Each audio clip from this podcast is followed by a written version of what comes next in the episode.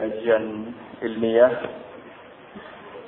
yang insya Allah kali ini seperti yang telah disampaikan tadi akan mengangkat tema tentang azab kubur. Kita berharap semoga kajian ini menjadi motivasi atau dorongan bagi kita agar semakin meningkatkan kualitas hidup kita, meningkatkan kualitas ilmu, iman, dan amal. Sebagaimana kita juga berharap agar kajian ini menjadi pengingat kalbu kita karena walau bagaimanapun kita butuh kepada sesuatu yang bisa terus mengingatkan kita. Apalagi Allah Subhanahu wa taala telah menyatakan dalam firman-Nya wa dzakir fa inna dzikra tanfa'ul mu'minin. Sampaikan peringatan karena sesungguhnya peringatan itu adalah sesuatu yang bermanfaat bagi orang-orang yang beriman. Khalifidin rahimani wa rahimakumullah. Penting untuk kita ketahui bahwa kuburan adalah perjalanan terakhir dari hidup kita di dunia. Sebagian para ulama ada yang mengatakan bahwa kuburan adalah persinggahan pertama sebelum masuk ke kehidupan yang berikutnya setelah kehidupan dunia. Maka siapa di antara kita yang membawa bekal berupa amal soleh, tentu dia akan mendapatkan kenikmatan di alam kuburnya.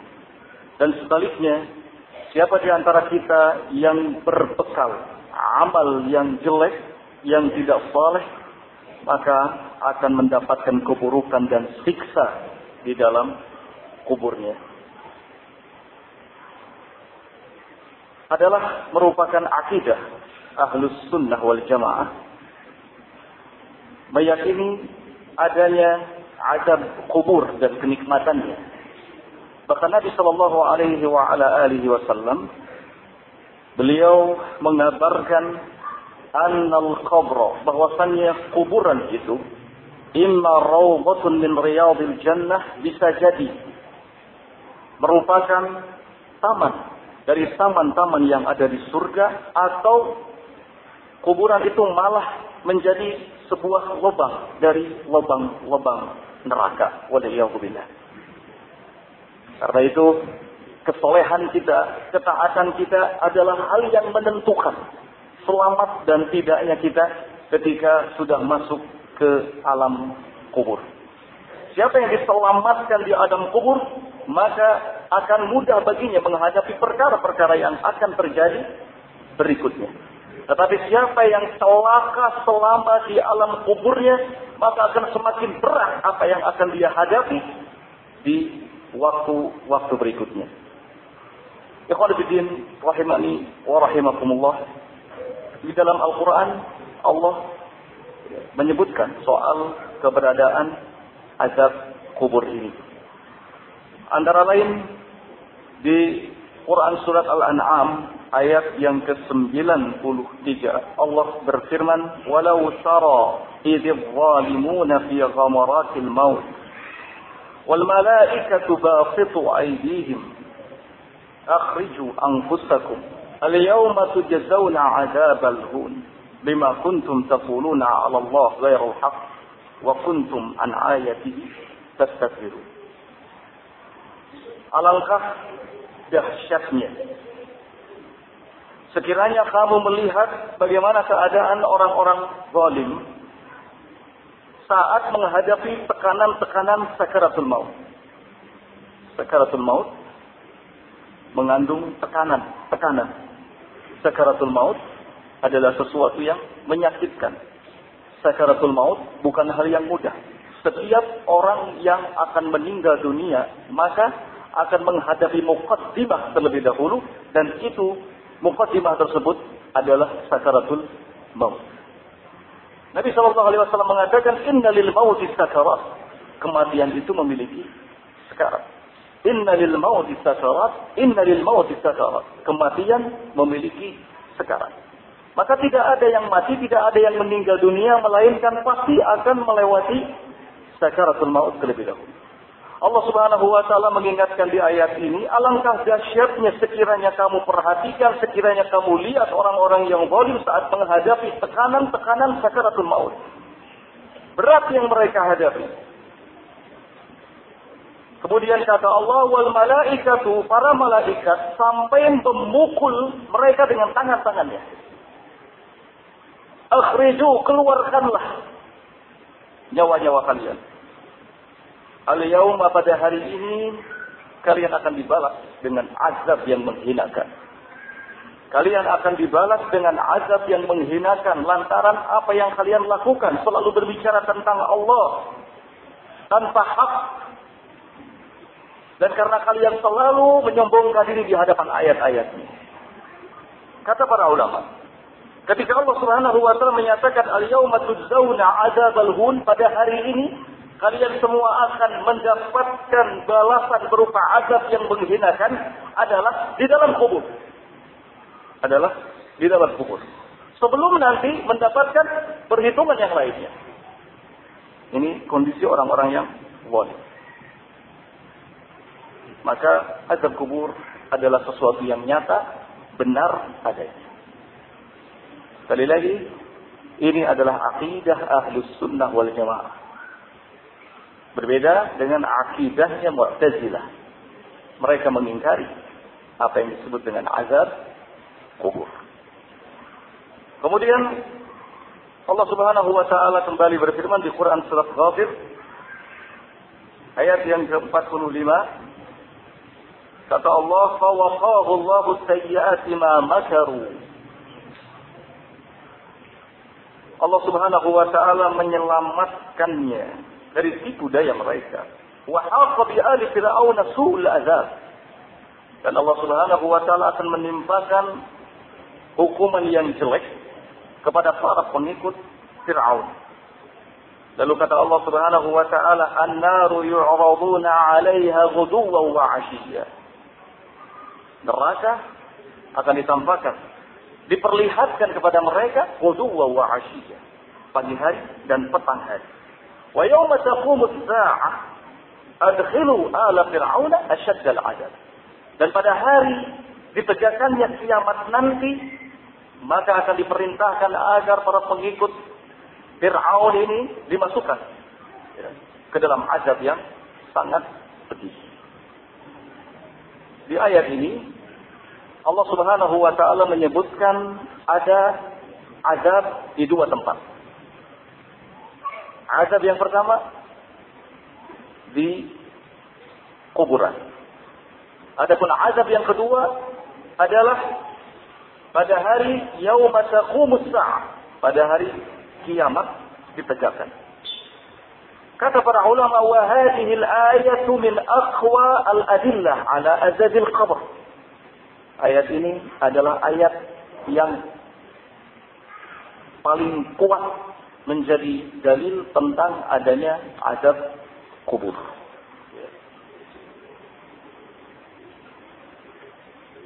Ikhwan Abidin rahimani wa rahimakumullah. Keterangan lainnya dalam Al-Quran, Allah sebutkan di Quran surat As-Sajdah. Ayat yang ke-21, Allah Subhanahu wa taala berfirman nuziqannahum minal azabil adna dunal azabil akbar la'allahum yarji'un. Kami kata Allah Subhanahu wa taala benar-benar akan menimpakan kepada mereka azab yang rendah sebelum azab yang berat.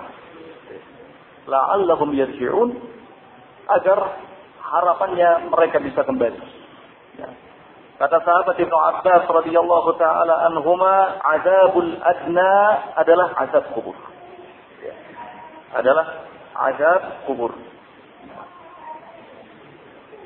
Itu di antara beberapa keterangan Allah Subhanahu wa taala tentang adanya azab kubur. Adapun di dalam sunnah ada banyak hadis yang menjelaskan akan hal ini. Di antaranya adalah hadis yang panjang. sebuah hadis yang dibawakan oleh sahabat Bara bin Ajib Beliau radhiyallahu taala anhu mengatakan kharajna ma'a Rasulillah sallallahu alaihi wa ala alihi wasallam ila janazatin. Pada suatu ketika kami keluar bersama Rasulullah sallallahu alaihi wa ala alihi wasallam dalam rangka mengiringi seorang jenazah. Mengiringi jenazah. Ya. Dan mengiringi jenazah termasuk hal yang dianjurkan. Hakul muslim alal muslim. Hak muslim atas muslim. Mengiringi jenazah disunahkan untuk tidak menaiki kendaraan. Kecuali kalau pemakaman yang hendak dituju itu jaraknya jauh kalau dekat, maka sunnahnya adalah dengan berjalan kaki. Ya. Adapun kalau pulang dari pemakaman, maka tidak mengapa menaiki kendaraan. Nah, kata sahabat Bara bin Ajib, kami keluar bersama dengan Rasulullah Shallallahu Alaihi Wasallam dalam rangka mengiringi jenazah. فجلس رسول الله صلى الله عليه وعلى آله وسلم على القبر وجلسنا حوله كأن على رؤوسنا الطير Rasulullah Shallallahu Alaihi Wasallam kemudian duduk di samping kuburan dan kami pun ikut duduk di sekitar beliau. Dan pada saat itu seolah-olah ada burung-burung yang hinggap di kepala kami. Wahwa yuhadulahu. Sementara kuburan terus digali. Faqala saat itu Rasulullah sallallahu alaihi wa ala alihi wasallam mengatakan, "A'udzu billah min azabil qabr." Aku berlindung kepada Allah Subhanahu wa taala dari azab kubur. Salah marat. Beliau mengucapkan hal ini sampai tiga kali. Aku berlindung kepada Allah dari azab kubur. Aku berlindung kepada Allah dari azab kubur. Perlindungan itu dilakukan terhadap segala sesuatu yang bisa membahayakan kita.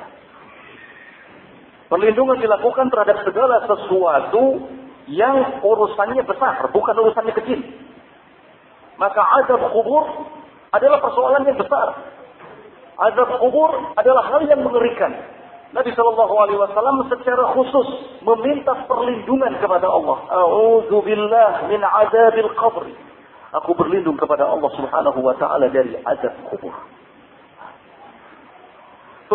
kemudian beliau berkata, innal mu'mina idza kana fi iqbalin min al-akhirah wa inqita'in min ad-dunya nazalat malaikatu.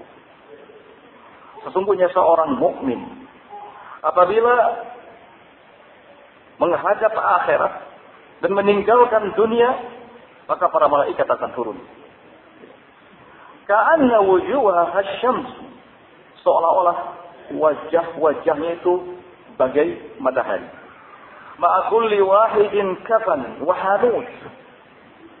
Masing-masing dari para malaikat itu membawa kain kafan dan kapan. Kain kafan dan kapan. Fajalasu minhu maddal zafar. Kemudian para malaikat itu akan duduk di samping seorang mukmin yang sudah meninggalkan dunianya maddal zafar sejauh mata memandang hatta idza kharaja ruhuhu. Sampai ketika ruhnya keluar shalla alaihi malakun bainas samai wal ardh maka para malaikat atau malaikat melakukan salat yang ada di antara langit dan bumi. Wa kullu malakin fis sama. Dan semua malaikat yang ada di langit. Wa futihat lahu abwabus sama. Kemudian dibukalah pintu pintu langit.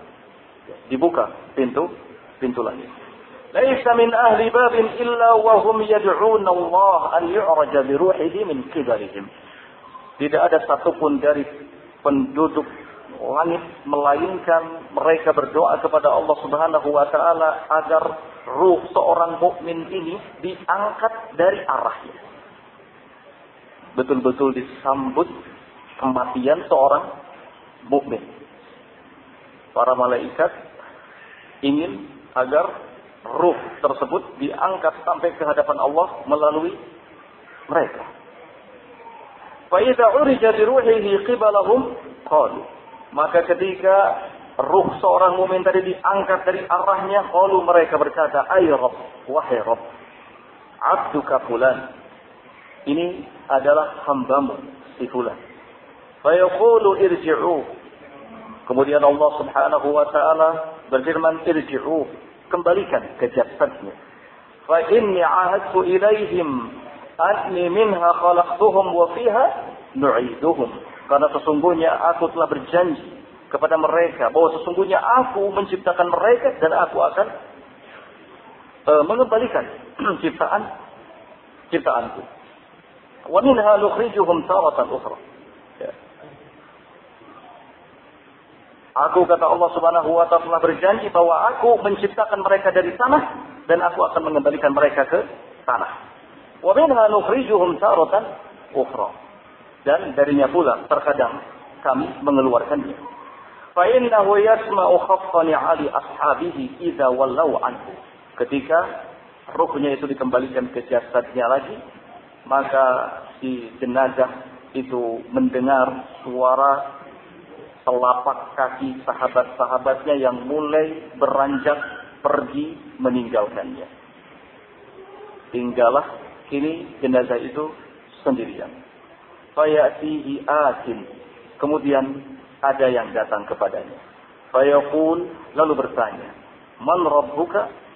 Wa ma dinuka? Wa man wa man nabiyyuka?" Siapa Rabbmu? Apa agamamu dan siapa nabi?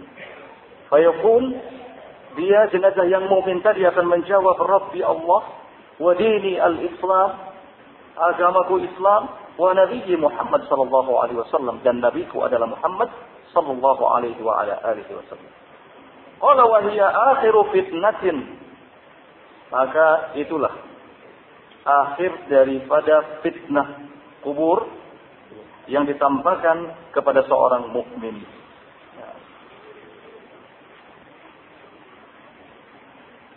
Kemudian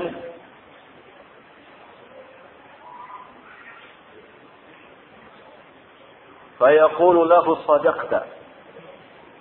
Seorang mukmin tadi yang mengatakan Rabbi Allah, agamaku Islam, nabiku Muhammad dikatakan sadaqta, engkau benar. Thumma ya'tihi atin hasanul wajh. Setelah itu datang lagi sosok yang hasanul wajhi, memiliki wajah yang baik, tayyibur rih, wanginya sangat enak, hasanul thiyab, pakaiannya pun sangat bagus. Fayaqulu lahu kemudian ia berkata kepadanya kepada jenazah mumin tadi abshir bi karamatin min Allah wa na'imin muqim. Bergembiralah. Bergembiralah engkau dengan kemuliaan dari Allah Subhanahu wa taala dan kenikmatan yang akan terus terusan dirasakan. Fayaqul anta basyaraka Allah bi khairin man anta. Lalu jenazah yang muslim tadi bertanya kepadanya, anta basyaraka Allah bi khairin. Engkau adalah orang yang telah Allah Subhanahu wa taala perintahkan untuk menyampaikan kebaikan. Man anta? Siapa engkau? Fayaqul ana amaluka salih. Dia menjawab, aku. Aku adalah amalanmu yang soleh. Kunta wallah sari'an fi ta'atillah. Engkau dulu demi Allah sewaktu di dunia termasuk orang yang begitu bergegas dalam melakukan ketaatan kepada Allah badi'an fi maksiatillah dan sangat lamban dalam melakukan kemaksiatan kepada Allah. Ini mulai kenikmatan pertama akan dirasakan oleh seorang muslim ketika dia sudah ada di alam kubur. Amalan-amalan yang solehnya, ketaatan-ketaatannya kepada Allah Subhanahu wa Ta'ala nanti akan mendatanginya berwujud seorang laki-laki yang berpakaian rapi, wangi, wajahnya tampan. Kemudian dia mengatakan, aku adalah amalanmu yang soleh, Sungguh engkau termasuk orang yang begitu cepat melakukan kebaikan dan sangat lamban melakukan kemaksiatan. Di dalam Al-Quran, Allah Subhanahu wa taala selalu mewanti-wanti, menasehatkan kepada kita untuk fastabiqu al khairat. Bergegaslah, berlomba-lomba dalam melakukan kebaikan. Kita sebagai kaum mukminin hendaknya menjadi pemenang dalam urusan kebaikan. Jangan menjadi orang yang kalah, tapi harus menjadi pemenang dalam melakukan kebaikan. Karena semua kebaikan, semua amal soleh yang kita lakukan akan berbuah kebaikan saat nanti kita sudah memasuki alam kubur. Karena kuburan itu adalah sesuatu yang ditakuti banyak orang. Bagaimana tidak ditakuti? Liang kubur adalah tempatnya binatang-binatang. Ketika kita memasukinya, maka kita akan memasukinya dalam keadaan sendirian, sempit, gelap, menakutkan. Siapa pun kita ketika melihat tiang kubur, tentu secara tabiat akan merasa takut darinya. Tetapi tidak ada jalan bagi kita untuk bisa melepaskan diri dari ini. Semua kita pasti akan memasuki liang tersebut cepat ataupun lambat. Maka sebelum datang waktu itu, gunakan sebaik-baiknya kesempatan saat ini untuk kita berbekal diri. Wa tasawwadu fa inna khairaz zadi taqwa. Berbekalah. Dan sesungguhnya sebaik-baik bekal itu ketakwaan kepada Allah Subhanahu wa taala. Qala fajazakallahu khairan. Fajazakallahu khairan. Semoga Allah Subhanahu wa taala membalasmu kebaikan dengan kebaikan. Tsumma yuftahu lahu babun minal jannah wa babun minan nar. Setelah itu akan dibukakan di hadapannya pintu yang menuju ke surga dan pintu yang menuju ke neraka. Fayaqul kemudian fayuqal kemudian akan dikatakan kepadanya kepada jenazah yang mukmin itu hadza manziluka asaita Allah Allah bihi hadza. Ini adalah tempatmu. Ini adalah tempatmu sambil mengarahkan ke neraka. Ini adalah tempatmu lau Allah. Andai engkau dulu bermaksiat kepada Allah Subhanahu wa taala. Azab sudah dimulai. Ini bentuk azab yang pertama. Diperlihatkan pintu neraka. Ini adalah tempatmu. Seandainya engkau dulu bermaksiat kepada Allah Subhanahu wa taala. Ya. Kemudian Faiza ra'a fil jannah setelah itu diperlihatkan pintu menuju surga. Qala Rabbi ajil qiyamat sa'ah ketika jenazah mukmin itu melihat apa yang ada di surga, dia mengatakan, Rabbi wahai Rabb, ajil, segerakanlah. Segerakanlah hari kiamat, kaima arji'u ila ahli wa mali. Agar aku tidak lagi kembali ke keluargaku dan kembali ke hartaku. Seorang mukmin mulai mendapatkan kenikmatan di alam kubur. Saat diperlihatkan kepadanya pintu menuju surga. Dia langsung berkeinginan agar segera tegakkan hari kiamat. Agar aku tidak kembali ke keluargaku dan kepada hartaku.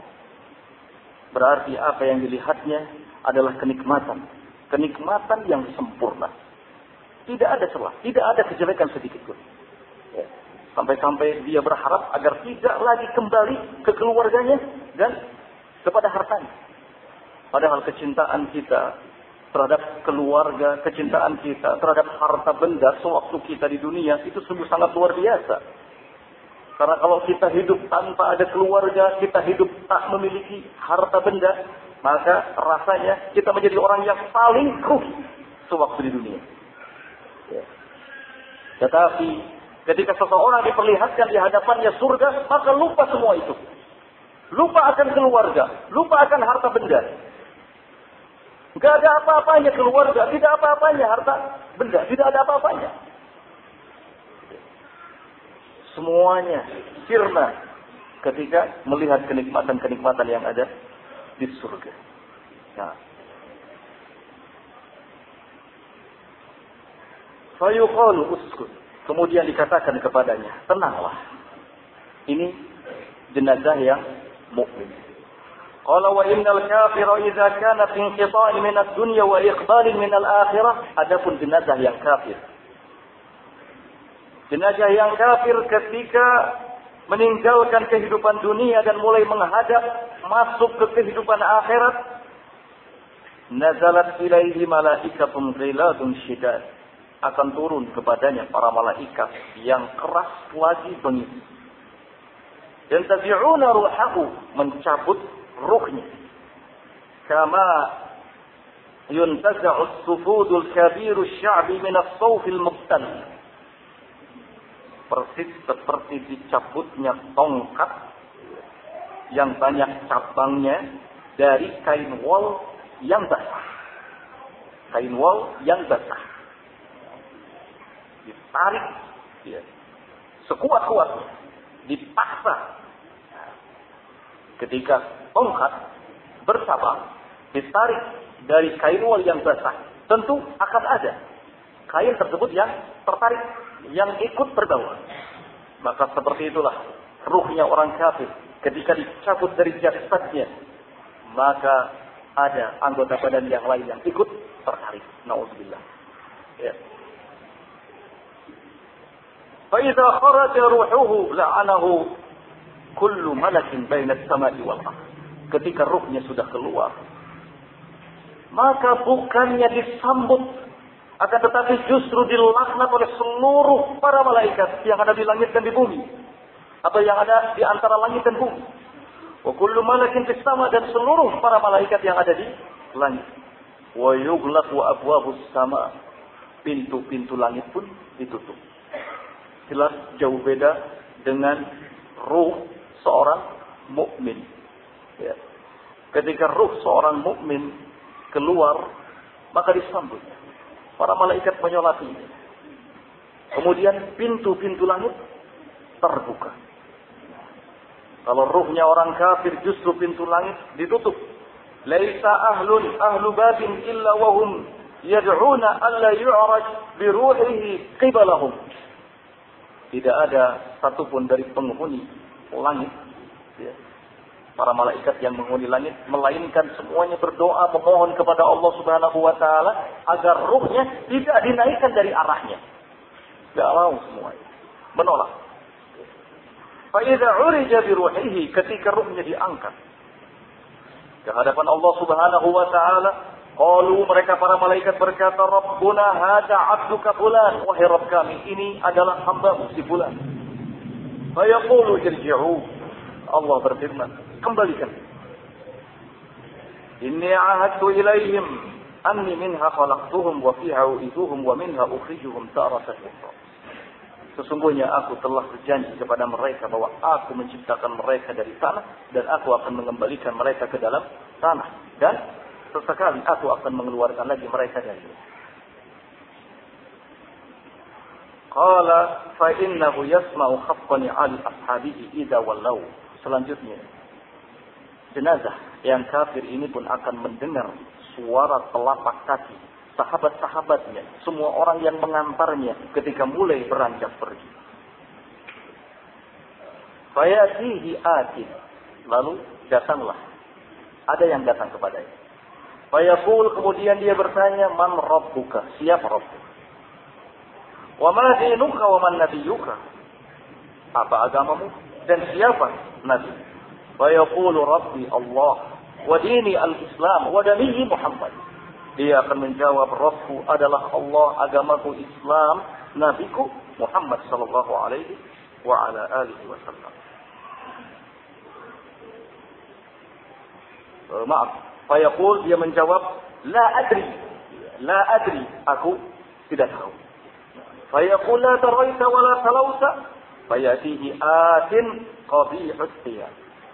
Kemudian dikatakan kepadanya, kamu tidak tahu, kamu tidak pernah mendengar soal ini?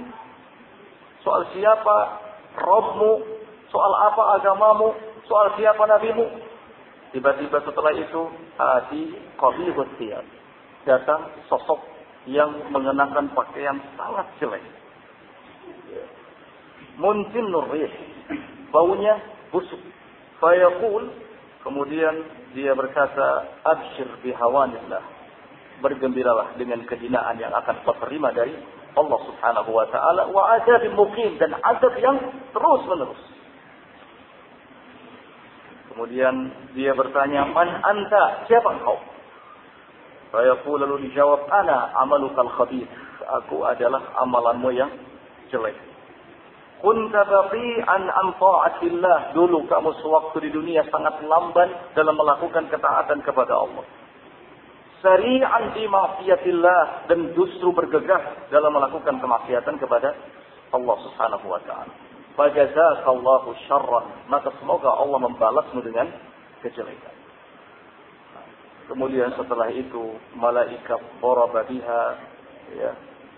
Uh, kemudian datang malaikat wa fi yadihi di tangannya ada palu kemudian palu tersebut dipakaikan untuk memukulnya di mana palu ini kalau sekali dipukulkan ke gunung kana turaban niscaya gunung itu akan hancur lebur seperti tanah ya. Kemudian setelah itu setelah dia jasad jadi pukul hancur dikembalikan lagi oleh Allah Subhanahu wa taala lalu dipukul kembali. Hancur lagi.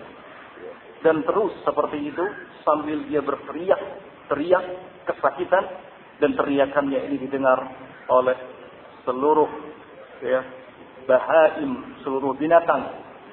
Makhluk Allah Subhanahu wa taala illa taqalain kecuali jin dan manusia.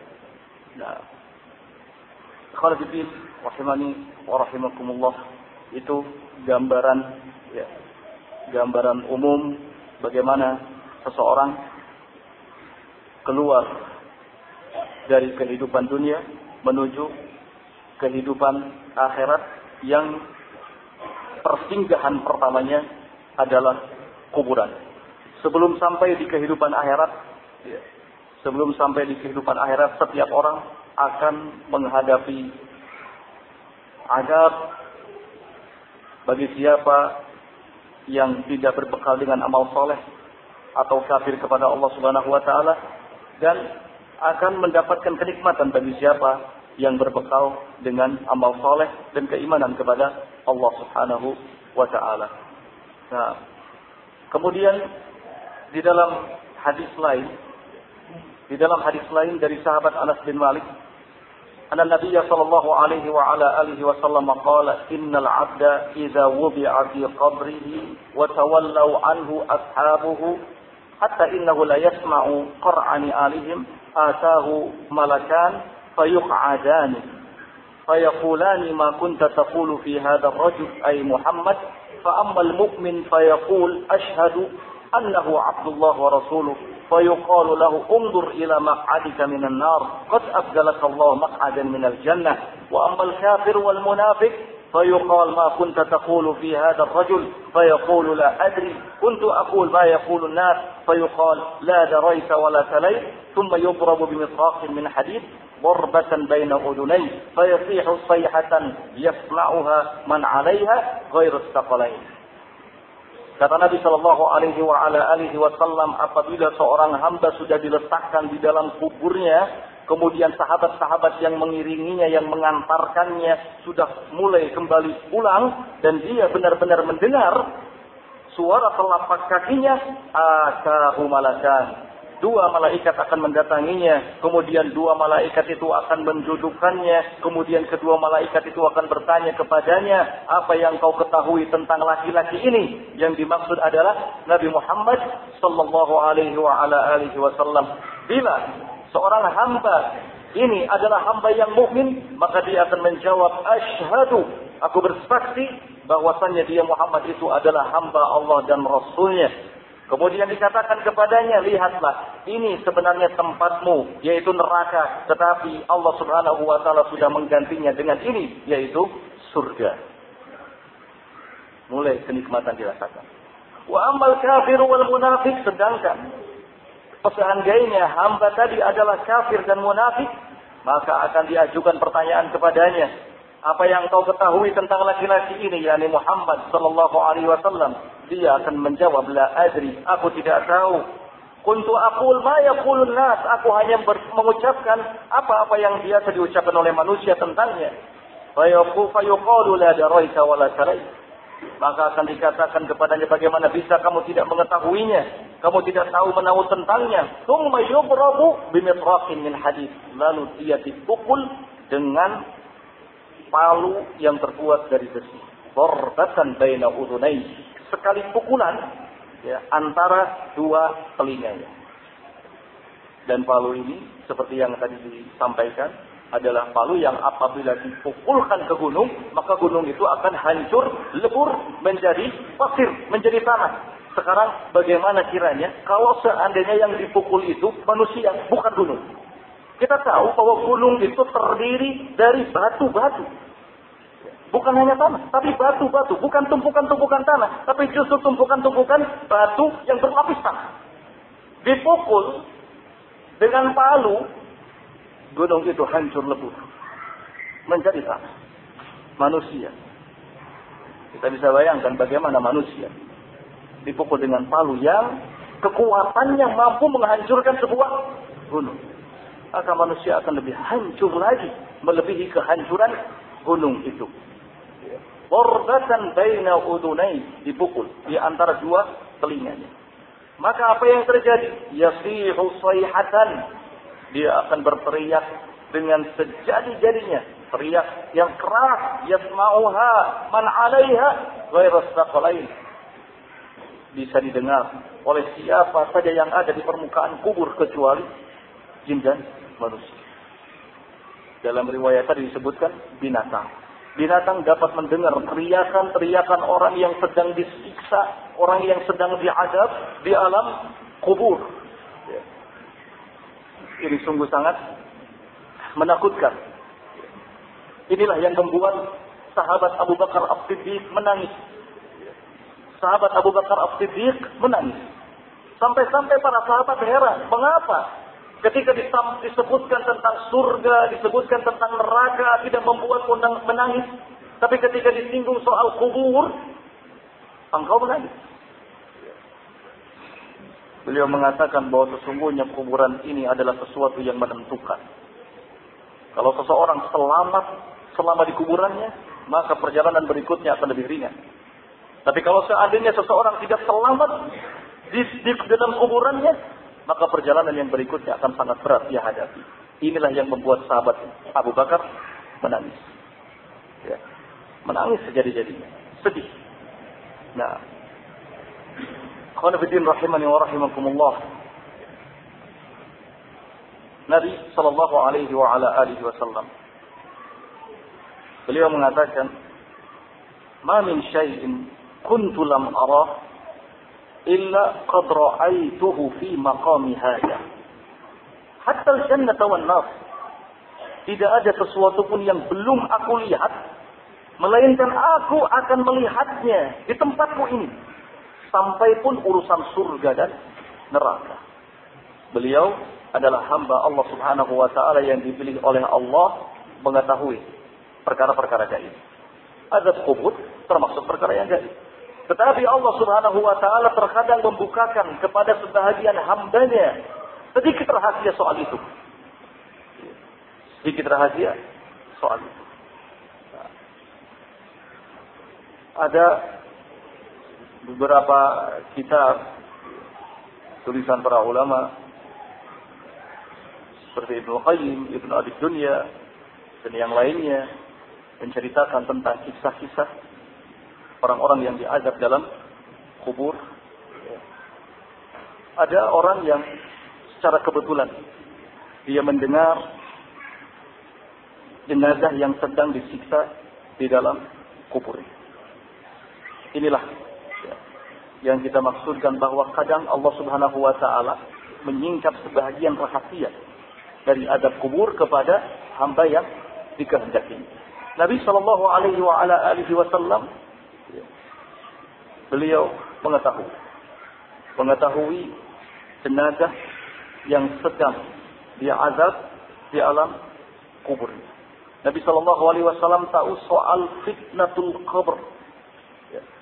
Beliau mengatakan tidak ada sesuatu pun yang aku tidak mengetahuinya melainkan aku pasti akan melihatnya di tempat ini. Sampai pun urusan surga dan neraka. Kemudian beliau mengatakan walaqad uhiya ilayya sungguh telah diwahyukan kepadaku annakum tuftanuna fil qubur. Kalian semua akan ditimpa fitnah di dalam kubur. Azabul qabr wa fitnatul qabr. Azab kubur dan fitnah kubur. Maksudnya adalah soal pertanyaan yang diajukan oleh dua malaikat di alam kubur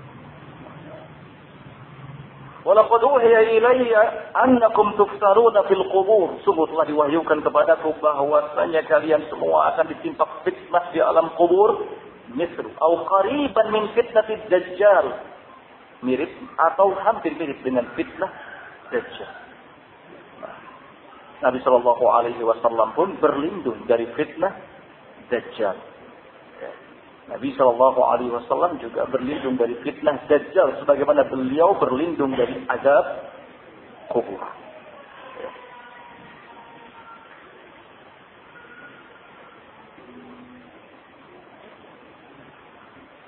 Kemudian Ikhwan Fidin Rahimahumullah masih soal azab kubur.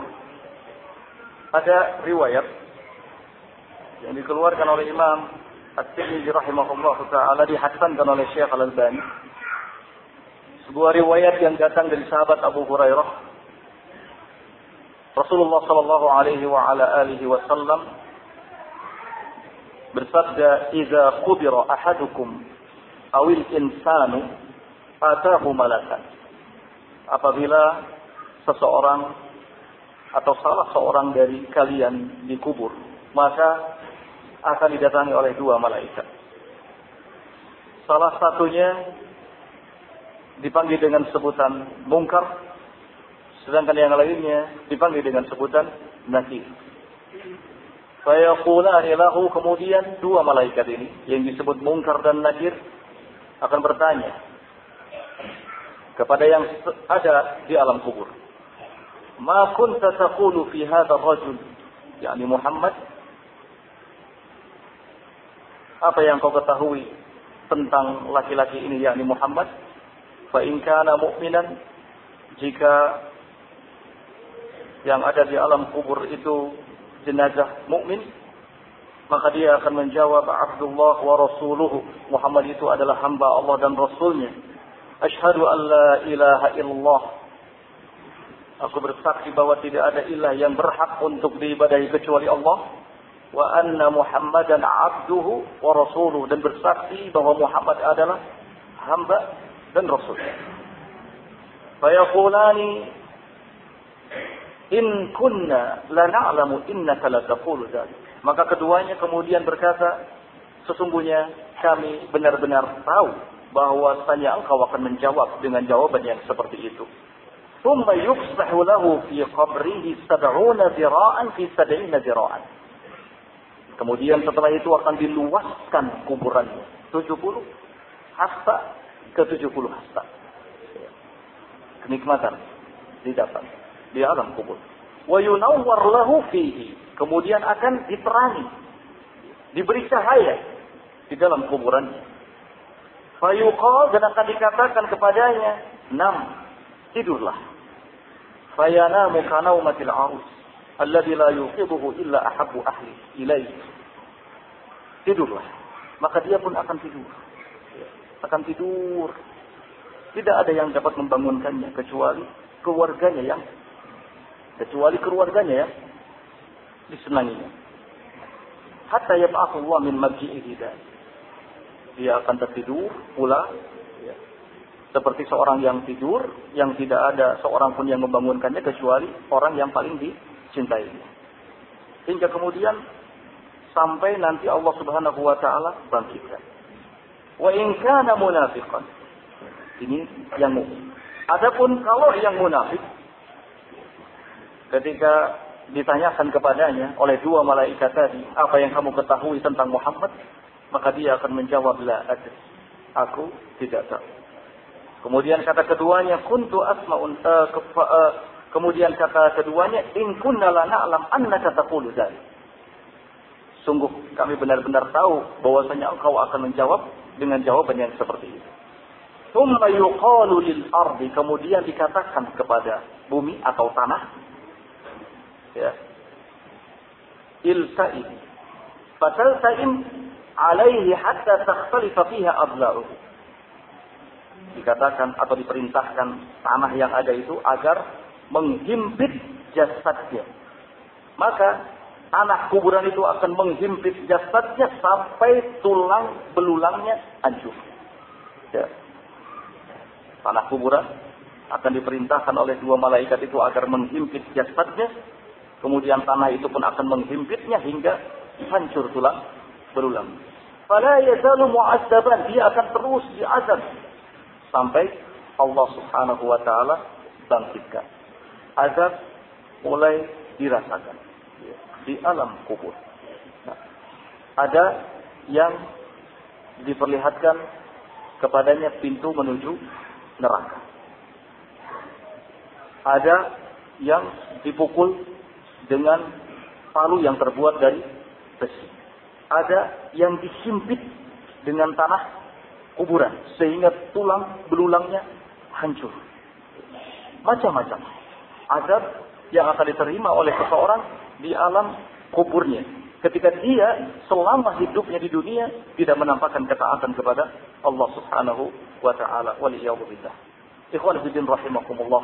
Maka perlu kita ketahui bahwa kuburan itu memiliki himpitan. Kuburan itu memiliki himpitan. Dan tidak ada seorang pun yang meninggal dunia masuk ke liang kubur melainkan akan merasakan adanya himpitan dari liang kuburan tersebut. Ada sebuah hadis dari Aisyah radhiyallahu taala anha dari Nabi sallallahu alaihi wa ala alihi wasallam kata beliau lal qabru dhaqtatun sungguh kuburan itu memiliki himpitan Lau naja minha ahadun la naja minha Sa'ad bin Mu'ad. Andai ada seseorang yang bisa selamat dari himpitannya, tentu yang paling layak untuk selamat itu adalah sahabat Sa'ad bin Mu'ad. Sahabat Sa'ad bin Mu'ad, sahabat Rasul sallallahu alaihi wa ala alihi wasallam yang dikenal memiliki kesalihan. Sahabat Rasul sallallahu alaihi wasallam yang Rasulullah mengatakan di hari wafatnya, "Hadzal ladzi taharraka lahul arsh. Inilah yang membuat ars berguncang. Pada hari wafatnya Sa'ad bin Mu'ad. Inilah yang membuat ars berguncang. Wa futihat abu abu sama. Dan semua langit, pintu-pintu langit itu terbuka. Wa syahidahu sab'una alfan minal malaikat. Bahkan hari kematiannya itu disaksikan oleh 70 ribu dari kalangan para malaikat. Laqad dhamma. Dhammatan. Kata Nabi SAW, sungguh beliau saat bin Mu'ad yang kondisinya seperti ini, ketika masuk ke dalam kuburan, merasakan bahwa kuburan itu ada himpitannya. Padahal, subhanallah ya, di hari wafatnya, aras berguncang. Berguncang karena apa? Bukan apa-apa. Menyambut kedatangan ruh Sa'ad bin Mu'ad. Langit berguncang, aras berguncang, kemudian pintu langit semuanya terbuka. Semuanya terbuka. Dalam rangka apa? Sekali lagi, menyambut kehadiran ruh Sa'ad bin Mu'ad. 70 ribu malaikat sudah siap hadir menyambut, menyaksikan wafatnya Sa'ad bin Mu'ad. Yang seperti ini keadaannya. Kata Nabi Shallallahu Alaihi wa ala alihi Wasallam, laqad dumma ummatan. Di kuburan, ia merasakan ada himpitannya. Merasakan ada himpitannya. Tumma furrija anhu. Namun kemudian, dilonggarkan kembali kuburannya itu. Coba kita merenung. Ya. Kita muhasabah Sa'ad bin Mu'az adalah salah seorang sahabat yang memang kesolehannya tidak disangsikan lagi. seorang yang soleh, seorang yang mukmin dengan keimanan yang begitu sempurna, tetap akan merasakan himpitan di alam kubur. Maka apalagi kita, kita yang mungkin kesolehan tidak seberapa, ya. banyak melakukan dosa dan maksiat. Tentunya kita akan lebih layak untuk merasakan himpitan kuburan tersebut. Nah, semua orang akan merasakan himpitan himpitan kuburan karena kuburan memiliki himpitan. Kata para ulama, kata para ulama, seperti Syekh Ibn Utsaimin dan yang lainnya, semua yang masuk kuburan pada awalnya akan mendapatkan himpitan.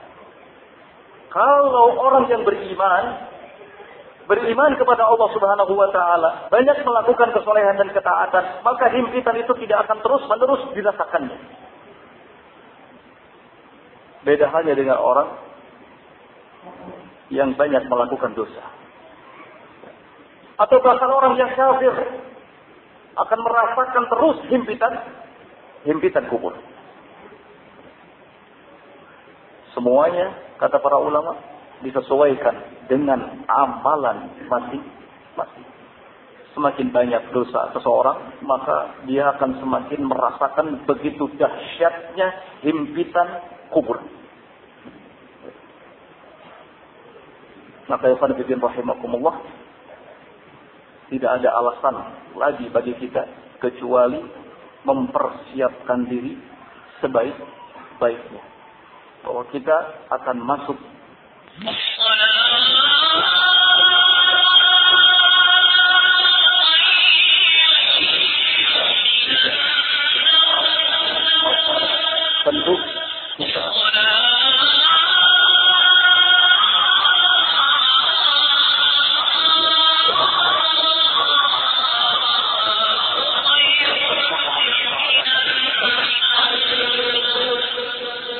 menyatakan lau aflata ahadun min dhammatil qabri la aflata hadha sabi ini kisahnya ketika ada seorang anak kecil ketika ada seorang anak kecil yang dikuburkan maka Rasulullah Shallallahu Alaihi Wasallam mengatakan lau aflata ahadun kalau seandainya ada seseorang yang bakal lolos dari himpitan kuburan la aflata sobi.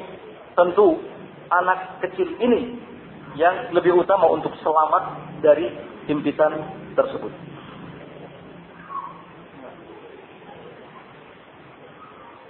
Khawanabiddin rahimani wa rahimakumullah. Azab kubur adalah sesuatu yang mengerikan, sesuatu yang sulit untuk bisa kita bayangkan. Kita hanya mengetahui dari riwayat-riwayat yang disampaikan oleh Nabi Shallallahu Alaihi Wasallam tentang dahsyatnya, tentang ngerinya, dan itu nyata terjadi. Karena apa yang disampaikan oleh Nabi Shallallahu Alaihi Wasallam benar adanya. Seperti tadi kita singgung bahwa sahabat Abu Bakar As-Siddiq atau e, beliau apa dalam keadaan sedih, dalam keadaan sedih ketika mendengar adanya azab kubur. Demikian juga sahabat Utsman bin Affan. Sahabat Utsman bin Affan ya, diceritakan bahwa beliau ini kalau berdiri di samping kuburan maka beliau yatki, beliau menangis sampai tetesan air matanya jatuh membasahi janggutnya. Beliau menangis. Ada orang yang bertanya kepadanya, ketika disampaikan soal surga dan neraka engkau tidak menangis. Tapi ketika engkau mendengar soal azab kubur, engkau malah menangis. Kemudian beliau Shallallahu Alaihi Wasallam menyampaikan bahwa Rasulullah Shallallahu Alaihi Wasallam pernah bersabda, "Ma ra'aitu manzaran qattun illa al-qabru minhu." Kata Rasulullah, aku tidak pernah melihat ada pemandangan yang paling buruk selain dari kuburan. Ya. Aku nggak pernah melihat ada pemandangan yang paling buruk selain kuburan. Itu artinya apa? Artinya, di dalam kubur ada ada ada kengerian. Ada hal yang menakutkan. Nah, ada perkara-perkara yang tidak disukai. Ada perkara-perkara yang menakutkan. Inilah yang membuat sahabat Utsman bin Affan radhiyallahu taala anhu menangis.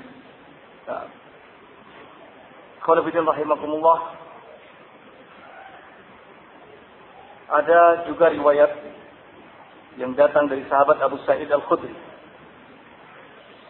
soal adab kubur.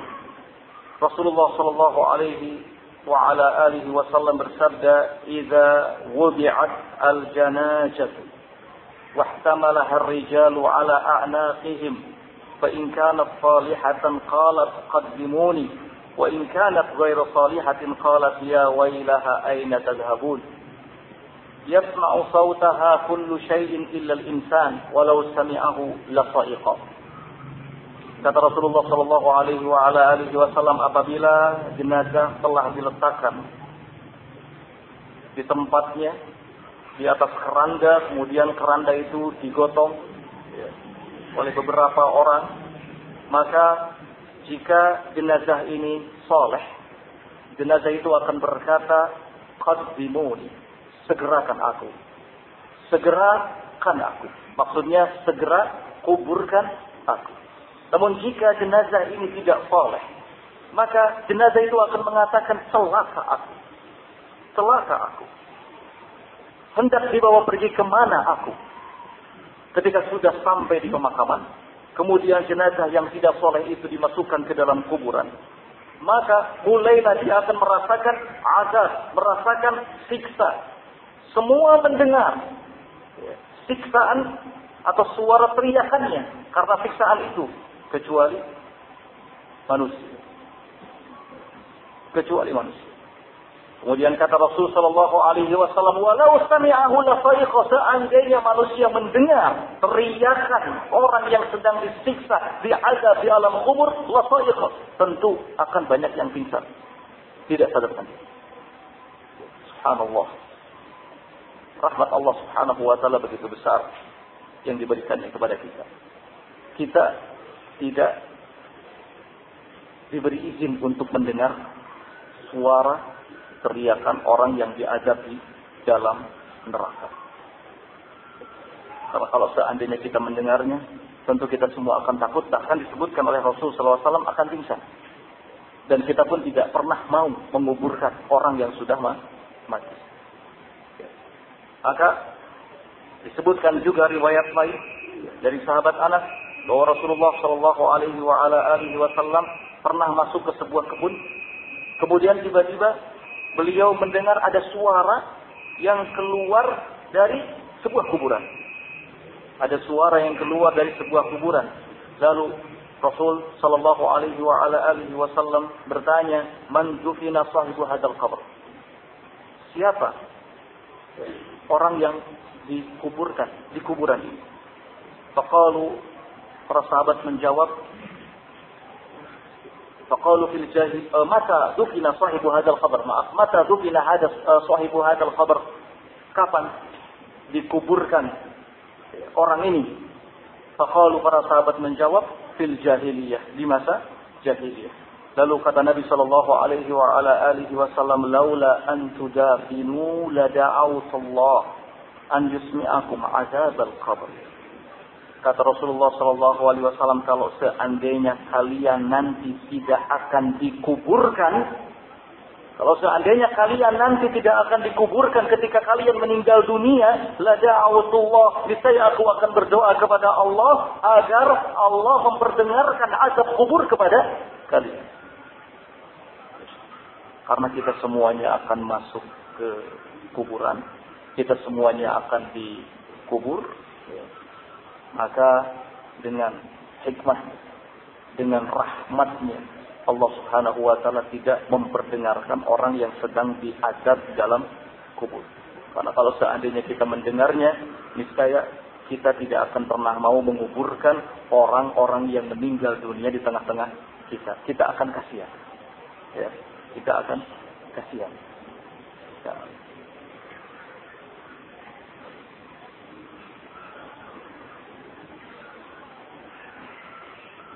Khawanafiddin rahimani wa rahimakumullah. Riwayat lain yang berhubungan dengan ini adalah riwayat dari sahabat Abu Ayyub Al-Ansari. Beliau mengatakan bahwa Rasulullah Shallallahu Alaihi wa ala alihi Wasallam pernah keluar suatu ketika ba'da gharabatis syams fasami'a sautan beliau Sallallahu Alaihi keluar setelah terbenam matahari tiba-tiba beliau mendengar suara ini sekali lagi kelebihan yang Allah Subhanahu wa taala berikan kepada beliau sallallahu alaihi wasallam di mana beliau dapat mengetahui dan mendengar ya, orang yang sedang diazab di dalam kuburnya. Beliau mendengar suara. Kemudian beliau sallallahu alaihi wa ala alihi wasallam mengatakan Yahud tu'adzab fi kuburiha. Ini adalah seorang Yahudi yang sedang diazab di dalam kuburnya. Nah, seorang Yahudi yang sedang diazab di dalam kuburnya.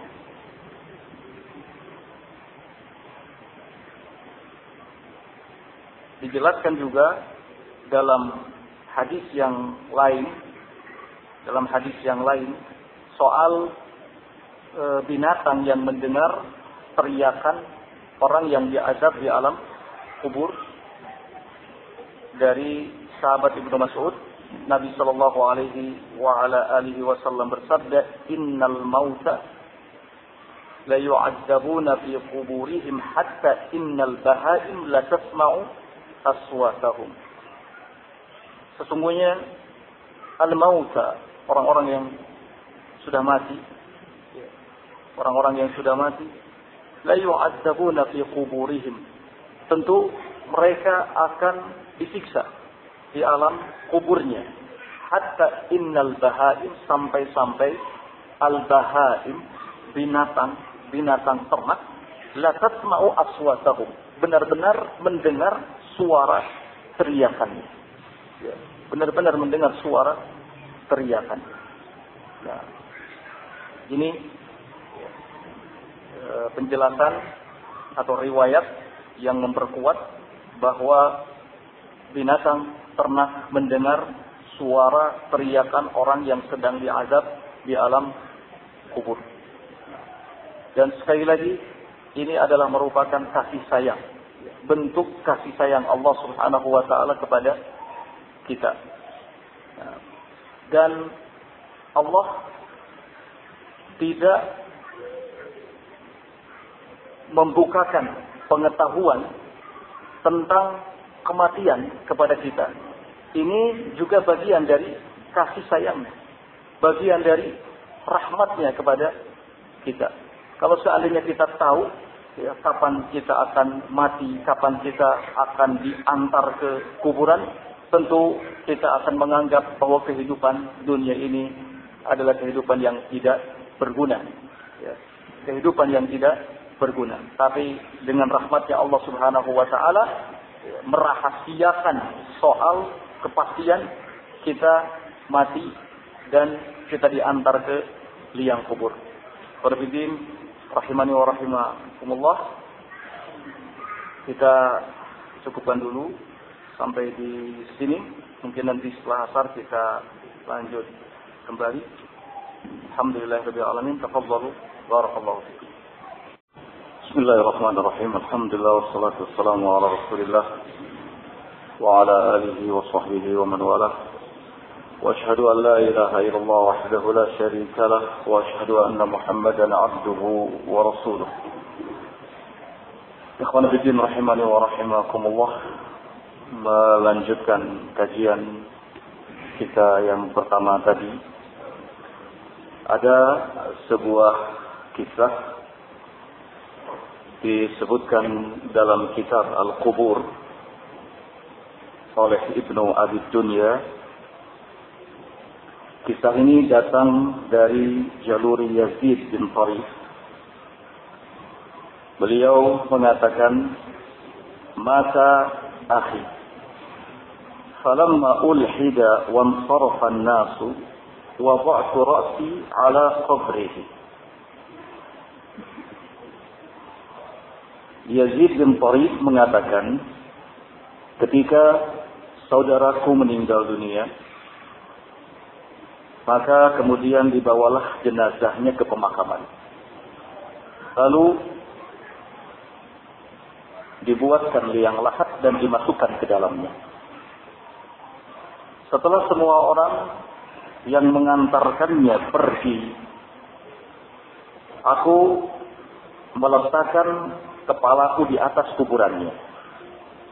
Fasami'tu sautan dhaifan min dakhilil qabri Kata Yazid, tiba-tiba aku mendengar ada suara yang sangat pelan dan lirih dari dalam kuburan. A'rifu annahu sautu akhi. Aku sangat kenal kalau itu adalah suara saudaraku yang tadi di kubur. Yaqul dia mengatakan Allah Rabbi Muhammad Nabi Allah Rabbku dan Muhammad adalah nabiku. Kemudian dia ditanya, "Sama dinuka?" Dia menjawab Islam. Tiba-tiba setelah itu, kata Yazid bin ada sesuatu yang menusuk aku dari dalam kubur hingga mengenai telingaku. Faksya'arra jildi, maka kulitku menjadi merinding. Wang dan aku pun segera pergi meninggalkan kuburan itu. Nah, ini hal yang tadi sedikit kita singgung bahwa memang tidak menutup kemungkinan ada orang yang dikehendaki oleh Allah Subhanahu wa taala mengetahui dan secara tidak langsung mendengar ya. jenazah yang ada di dalam kuburnya.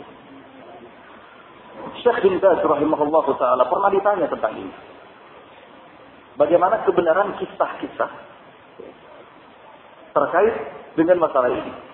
Ada orang yang ketika setelah menguburkan jenazah, pulang ke rumah, kemudian dia teringat sesuatu, ada yang tertinggal di kuburan atau di pemakaman, kemudian dia balik lagi ke sana dan menyaksikan pemandangan bahwa penghuni kubur sedang dalam keadaan duduk, kemudian terikat kepala dan kakinya. Ditanyakan kisah-kisah yang semacam ini kepada Syekh bin Baz rahimahullah taala, beliau mengatakan wallahu a'lam bi Secara pastinya saya tidak tahu kebenaran kisah tersebut, tetapi tidak menutup kemungkinan itu terjadi. Wallahu a'lam. Ya. Namun setidaknya ini menjadi uh, semacam penguat dari apa yang sudah kita sampaikan tadi bahwa azab kubur adalah sesuatu yang nyata adanya. Kemudian Imam As-Safari dalam kitab Al-Buhur Az-Zajirah juga menyebutkan sebuah kisah. Ya, menyebutkan sebuah kisah bahwa ada seorang laki-laki ditinggal mati oleh suami oleh istrinya seorang laki-laki ditinggal mati oleh istrinya. Sesaat sebelum mati istrinya, istrinya ini dikenal sebagai sosok yang suka memakan barang riba. Suka memakan barang riba. Setelah selesai proses pemakaman, dan itu kemudian e, suaminya, laki-laki ini pulang ke rumah, Ba'dal Isya, tiba-tiba mendengar ada suara atau teriakan yang berasal dari kuburan istrinya. Ya. Ia kemudian duduk di muka pintu rumahnya, kemudian semakin keras suara itu terdengar olehnya. Hingga akhirnya dia membawa sesuatu, ya, membawa sesuatu benda tajam karena kebodohannya, dia pergi ke kuburan istrinya, kemudian mengatakan, Tenang, kamu tidak perlu takut apa-apa. Aku sekarang ada di sisimu. Nah, ini kisah disebutkan oleh Imam As-Safari rahimahullah ta'ala. Ikhwan bidin rahimakumullah. Itu mungkin sebagian kita yang memang tidak bisa kita pastikan kebenarannya sejauh mana. Tetapi kalaupun itu terjadi, maka tidak menutup kemungkinan bisa terjadi. Dan itu atas kehendak Allah Subhanahu wa taala. Nah, adapun yang diketahui oleh Nabi Muhammad sallallahu alaihi wasallam ini adalah sesuatu yang pasti. Li'annahu la yantiqu 'anil hawa in huwa illa wahyun yuha. Nabi Shallallahu alaihi wasallam tidak berbicara dari hawa nafsunya. Apa yang beliau sampaikan adalah wahyu yang datang dari sisi Allah Subhanahu wa taala. Kemudian hal yang penting juga untuk kita sampaikan di sini adalah jangan sekali-kali kita melakukan sesuatu yang bisa menyakiti mayit atau jenazah di dalam kuburnya. Di antara yang termasuk ke dalam hal tersebut adalah yang disebutkan oleh Nabi Shallallahu Alaihi Wasallam dalam sabdanya dari sahabat Jabir disebutkan Nah Rasulullah Shallallahu Alaihi Wasallam an tajsisil kubur. Rasulullah Shallallahu Alaihi Wasallam melarang menembok kuburan. Wal kitab alaiha dan menulisinya. Menulis padanya. Mungkin menulis nama atau apalah. Wal bina alaiha. Serta membuat bangunan di atasnya. Wal julus alaiha. Dan duduk di atasnya. Ini empat perkara yang bisa menyakiti mayit atau jenazah di dalam kuburnya. Ya. Menempok kuburannya, kemudian membuat tulisan padanya, membuat bangunan di atasnya dan duduk di atasnya. Khusus duduk di atas kuburan. Ini ancamannya sangat keras dari Rasul Shallallahu Alaihi Wasallam.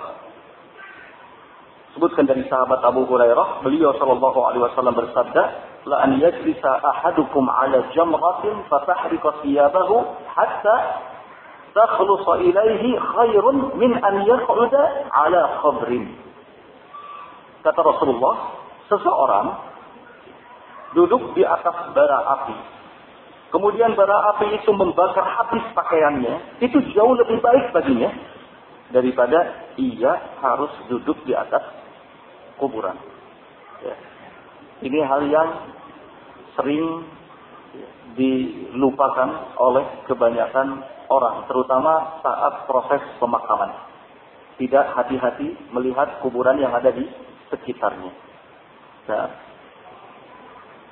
Kemudian perkara lainnya yang termasuk penyakiti mayit atau jenazah dalam kuburannya adalah apa yang disampaikan oleh Rasul Shallallahu Alaihi Wasallam dari sahabat Abu Marsad Al Ghanawi Kata beliau sallallahu alaihi wasallam, "La tajlisu 'ala al-qubur wa la tusallu ilaiha."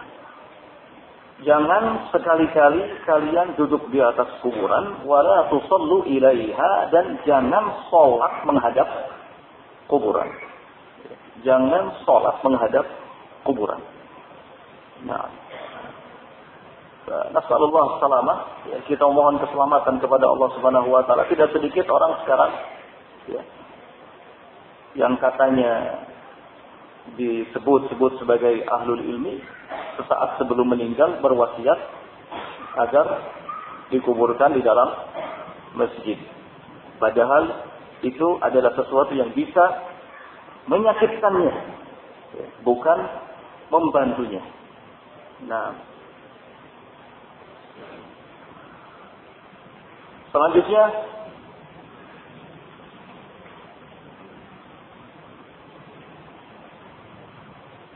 mengenakan sandal ketika masuk ke area pekuburan. Ini sesuai dengan riwayat dari Bashir bin Ma'bad. Beliau mengatakan, "Baina ana amshi ketika aku berjalan bersama dengan Rasulullah sallallahu alaihi wa ala alihi wasallam marra sallallahu alaihi wa ala alihi wasallam di kuburil musyrikin Rasulullah sallallahu alaihi wasallam melewati pekuburan kaum musyrikin. Kemudian beliau mengatakan laqad sabaqa haula'i khairan katsiran. Laqad sabaqa haula'i khairan katsiran. Sungguh mereka telah tertinggal oleh kebaikan yang sangat banyak. Artinya mereka tidak punya kebaikan, tidak melakukan kebaikan. Sampai tiga kali beliau katakan seperti itu. Thumma marra bi kuburil muslimin. Setelah itu beliau melewati kuburan kaum muslimin. Kemudian beliau mengatakan laqad adraka haula khairan katsira. Sungguh mereka telah mendapati kebaikan yang sangat banyak. Qala Fa idza rajulun yamshi fil qubur alaihi na'lan. Tiba-tiba ada seorang laki-laki yang berjalan melewati kuburan atau di antara kuburan alaihi na'lan dengan mengenakan kedua sandal. Maka Rasulullah Shallallahu Alaihi Wasallam berkata kepadanya, Ya sahibai sabtatain, wayhak alqi sabtataika. Kata Rasulullah, wahai pemilik dua sandal. Sabtiyatai wahai pemilik dua sandal. Lemparkanlah kedua sandal. Falamma nawara ar-rajul arafa Rasulullah sallallahu alaihi wasallam khala'ahuma farama bihima. Ketika si laki-laki itu melihat bahwa yang berkata adalah Rasulullah sallallahu alaihi wasallam, segera dia lepaskan kedua sandalnya kemudian dia melemparkannya. Nah, jadi kalau kita hendak masuk ke area pekuburan atau pemakaman, maka dianjurkan untuk melepas kedua sandal. Kecuali kalau ya, di area pemakaman tersebut kondisinya tidak memungkinkan. Seperti banyak duri atau hal-hal yang bisa mengganggu kedua kaki kita. Maka tidak apa-apa dipakai. Kemudian selanjutnya berbaring di atas kuburan dan menjadikan kuburan sebagai bantal. Ya. Ini datang riwayat dari sahabat Ali bin Abi Thalib yang isinya larangan dari melakukan hal tersebut berbaring ataupun menjadikannya sebagai bantal. Ya. Selanjutnya hal yang juga bisa menyakiti mayit adalah mematahkan tulangnya. Mematahkan tulangnya. Mungkin ketika kita hendak memindahkan memindahkan e, satu kuburan ke tempat yang lain, maka perlu waspada, perlu hati-hati. Jangan sampai melukainya. Nabi SAW mengatakan kasru awamil mayyit kakasrihi hayya mematahkan tulang mayit maka sama persis seperti mematahkan tulangnya ketika dia masih hidup.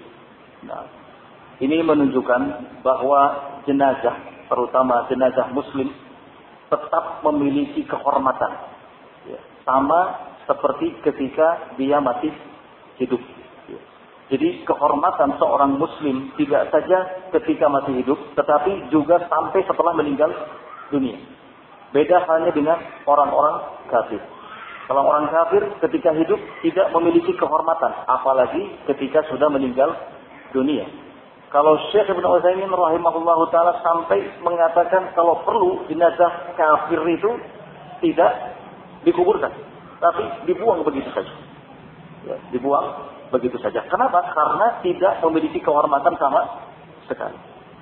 Nah, ikhwan rahimani wa rahimakumullah, tidak ada yang bisa menyelamatkan kita dari azab kubur kecuali amal soleh yang kita lakukan. Amal soleh yang kita kerjakan.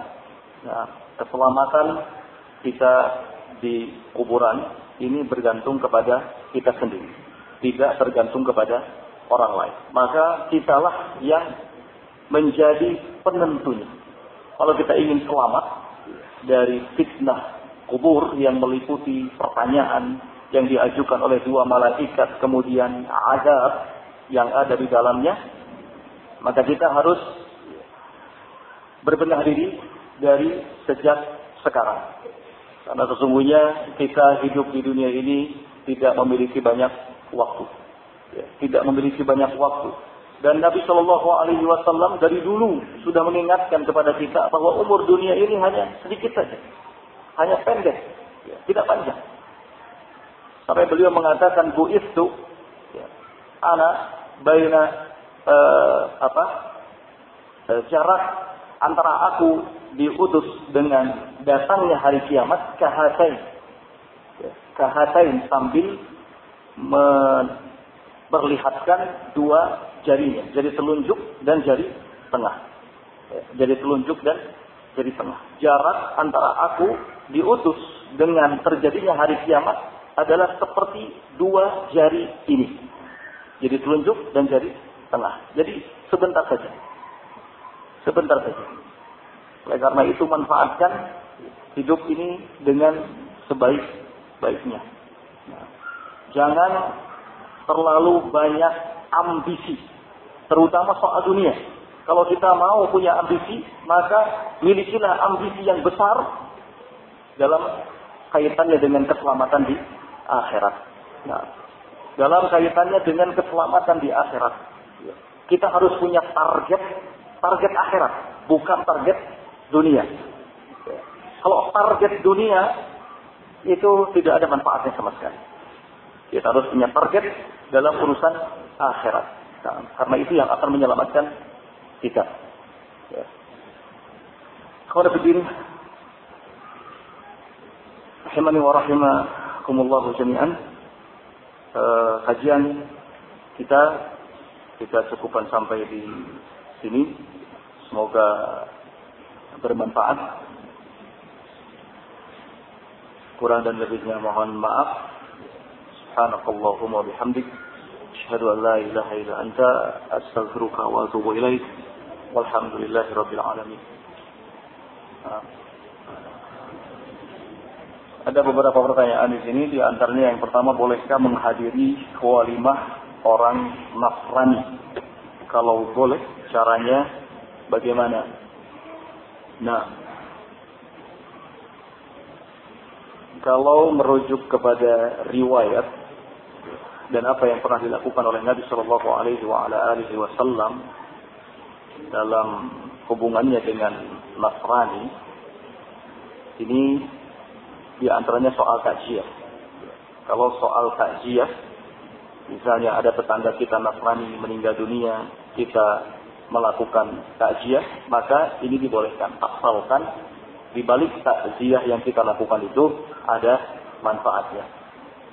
Ya, Adapun menghadiri walimah, tentu walimah resepsi pernikahan orang-orang Nasrani tidak lepas dari yang namanya kemungkaran dan kebatilan.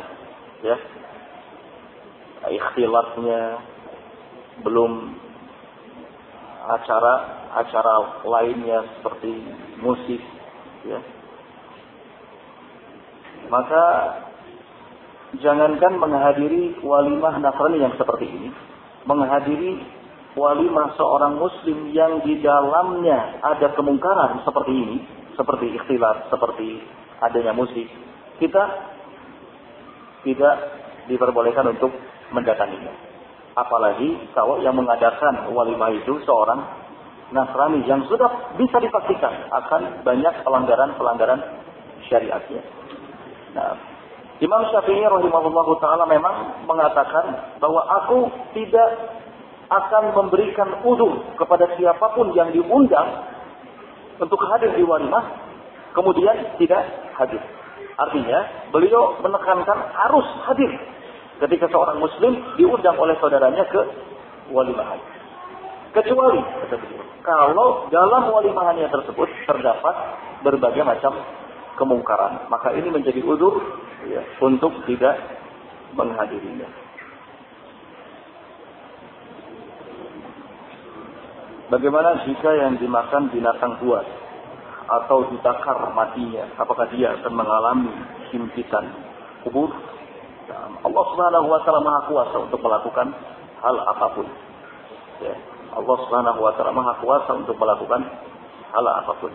Semua yang matinya ya, seperti ini yang matinya seperti ini tetap akan merasakan azab. Ya. Allah Subhanahu wa taala Maha kuasa untuk mengumpulkan jasadnya. Ya. Nah. Apakah kalau malam Jumat arwah pulang ke rumah? Nah. rahimakumullah. Uh, Syekh bin Baz, Syekh bin Baz rahimahullah pernah ditanya tentang pertemuan antara ruh orang yang sudah mati dengan ruh kita yang masih hidup. Ya. Beliau mengatakan kurang lebihnya bahwa pertemuan itu hanya akan terjadi di dalam mimpi. Saat kita tidur, kemudian kita bermimpi bertemu dengan ayah kita atau ibu kita yang sudah meninggal, maka itu pertemuan yang benar terjadi. Ya.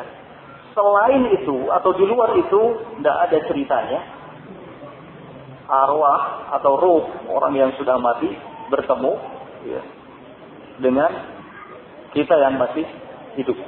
Jadi sekali lagi pertemuan itu hanya akan terjadi dalam mimpi saat kita tidur. Ya. Kadang-kadang kita bermimpi kan? Kadang kita mimpi ada mungkin kawan kita dia sudah meninggal, tapi kita bermimpi bertemu dengannya di suatu tempat. Padahal dia sudah meninggal, maka itu pertemuan benar. Ya. Di luar itu tidak benar. Bohong. Kalau di luar itu. Nah. Ada bermimpi bertemu dengan Syekh Masyair yang sudah meninggal? Misalnya bertemu dengan Syekh Albani atau Syekh siapa ada? Bagaimana bisa ketemu dalam mimpi, bertemu di alam nyata saja?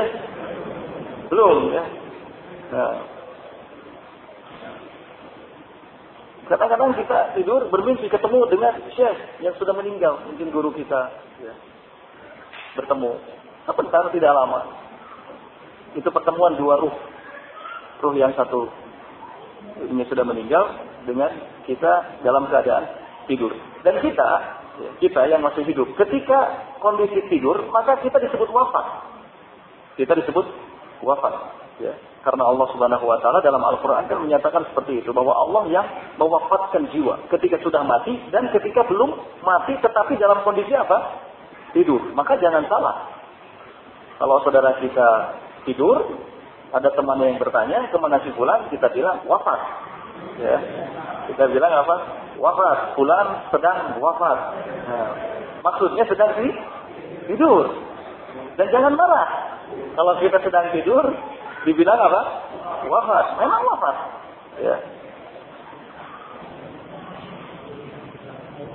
Bagaimana nasib seorang yang meninggal bunuh diri? Apakah orang yang meninggal bunuh diri bisa masuk surga jika ia adalah seorang muslim? Yang jelas sebutkan dalam hadis bahwa seorang yang mati karena bunuh diri, dia akan diazab dengan melakukan hal yang serupa. Ya. Misalnya bunuh diri dengan memukulkan e, besi ke tubuhnya, nanti dia akan diadab dengan hal yang seperti itu.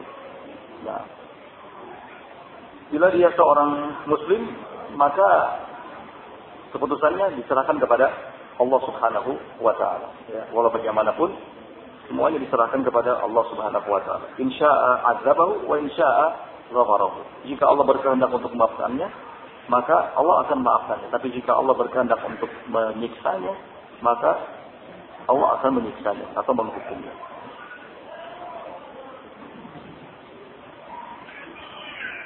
Apakah hukumnya jika di atas kuburan ditanami tanaman?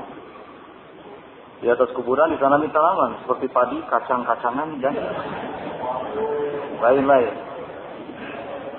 Ya, bercocok tanamlah dengan baik ya. Bercocok tanam dengan baik. Ya perlu kuburan itu ditanami ya pohon singkong misalnya dengan harapan agar singkongnya jadi besar-besar, gurih rasanya. Enggak, enggak perlu. Jangan seperti itu. Ya, kuburan biarkan ya tidak perlu ditanami apa pun di atasnya. Nah, tidak perlu ditanami apa pun di atasnya.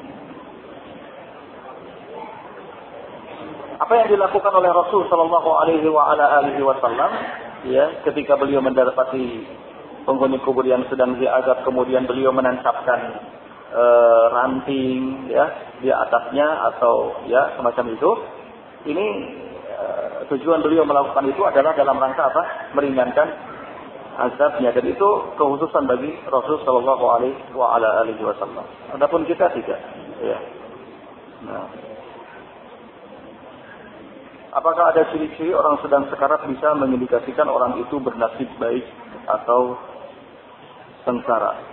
Nah, bisa saja mungkin dengan ciri-ciri atau tanda-tanda yang nampak ya, secara wahir maksudnya. Nah, secara wahir.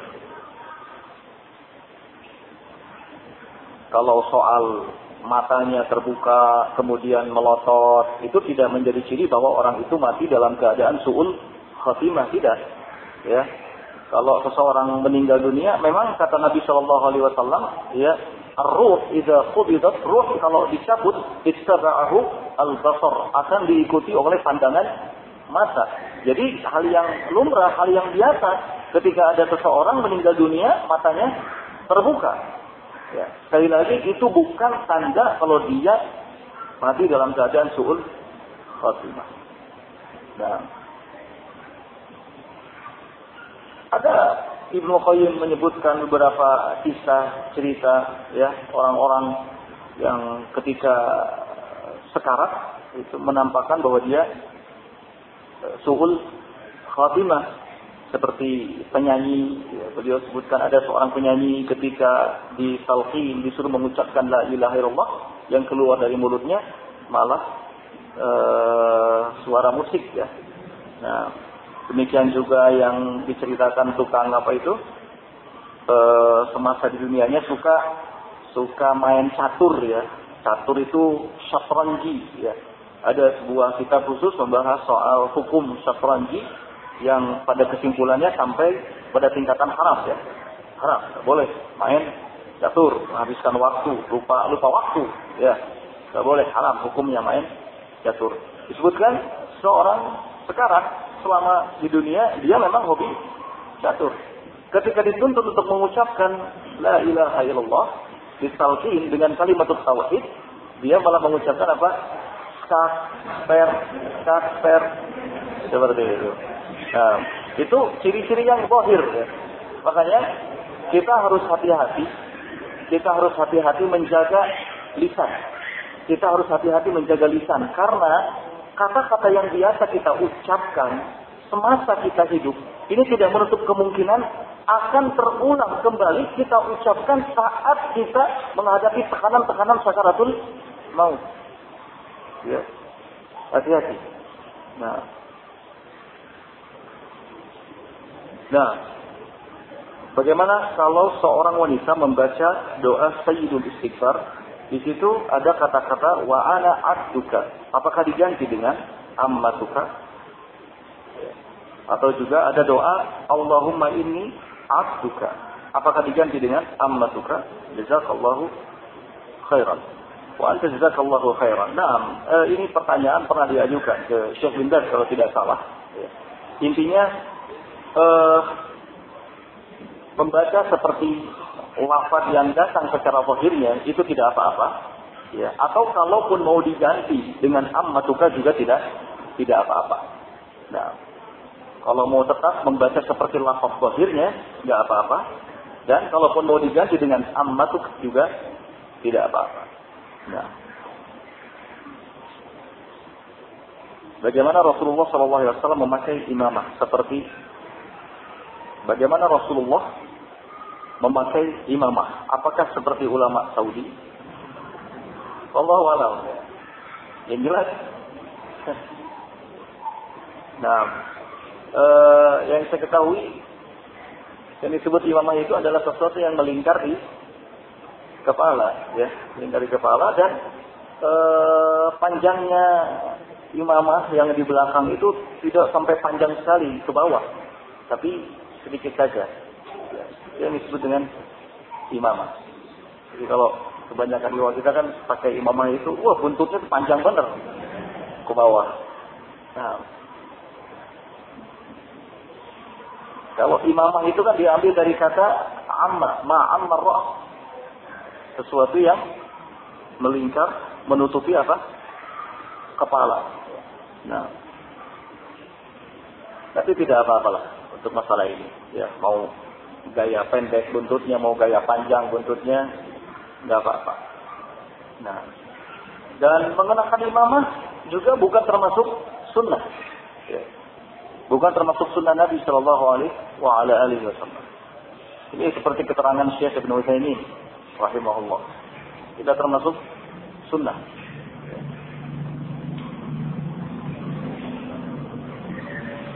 Mau dibikin kayak putro di sini boleh, mau diikat di sini boleh. Yang penting jangan mirip JC ya. JC kan agak tinggi tinggi gitu. Ya. Nah.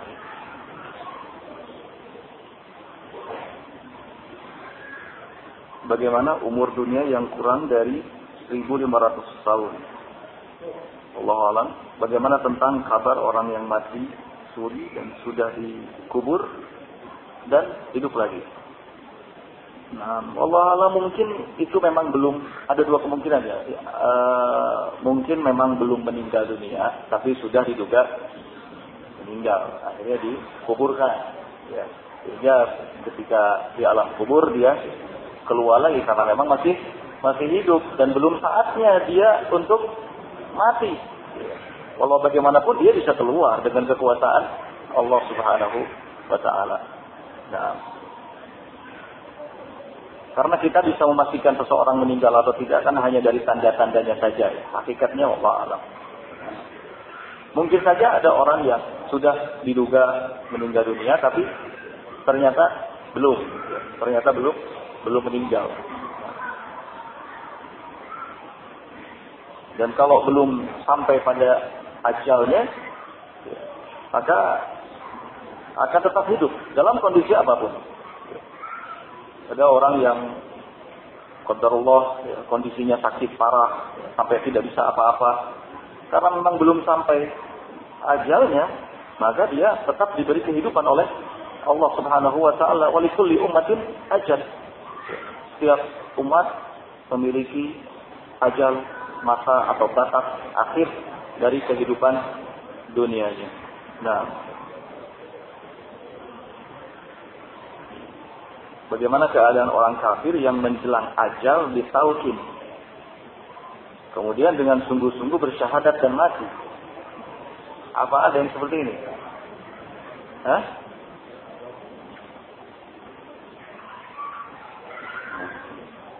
Kalau sudah sekarat itu berarti sudah apa?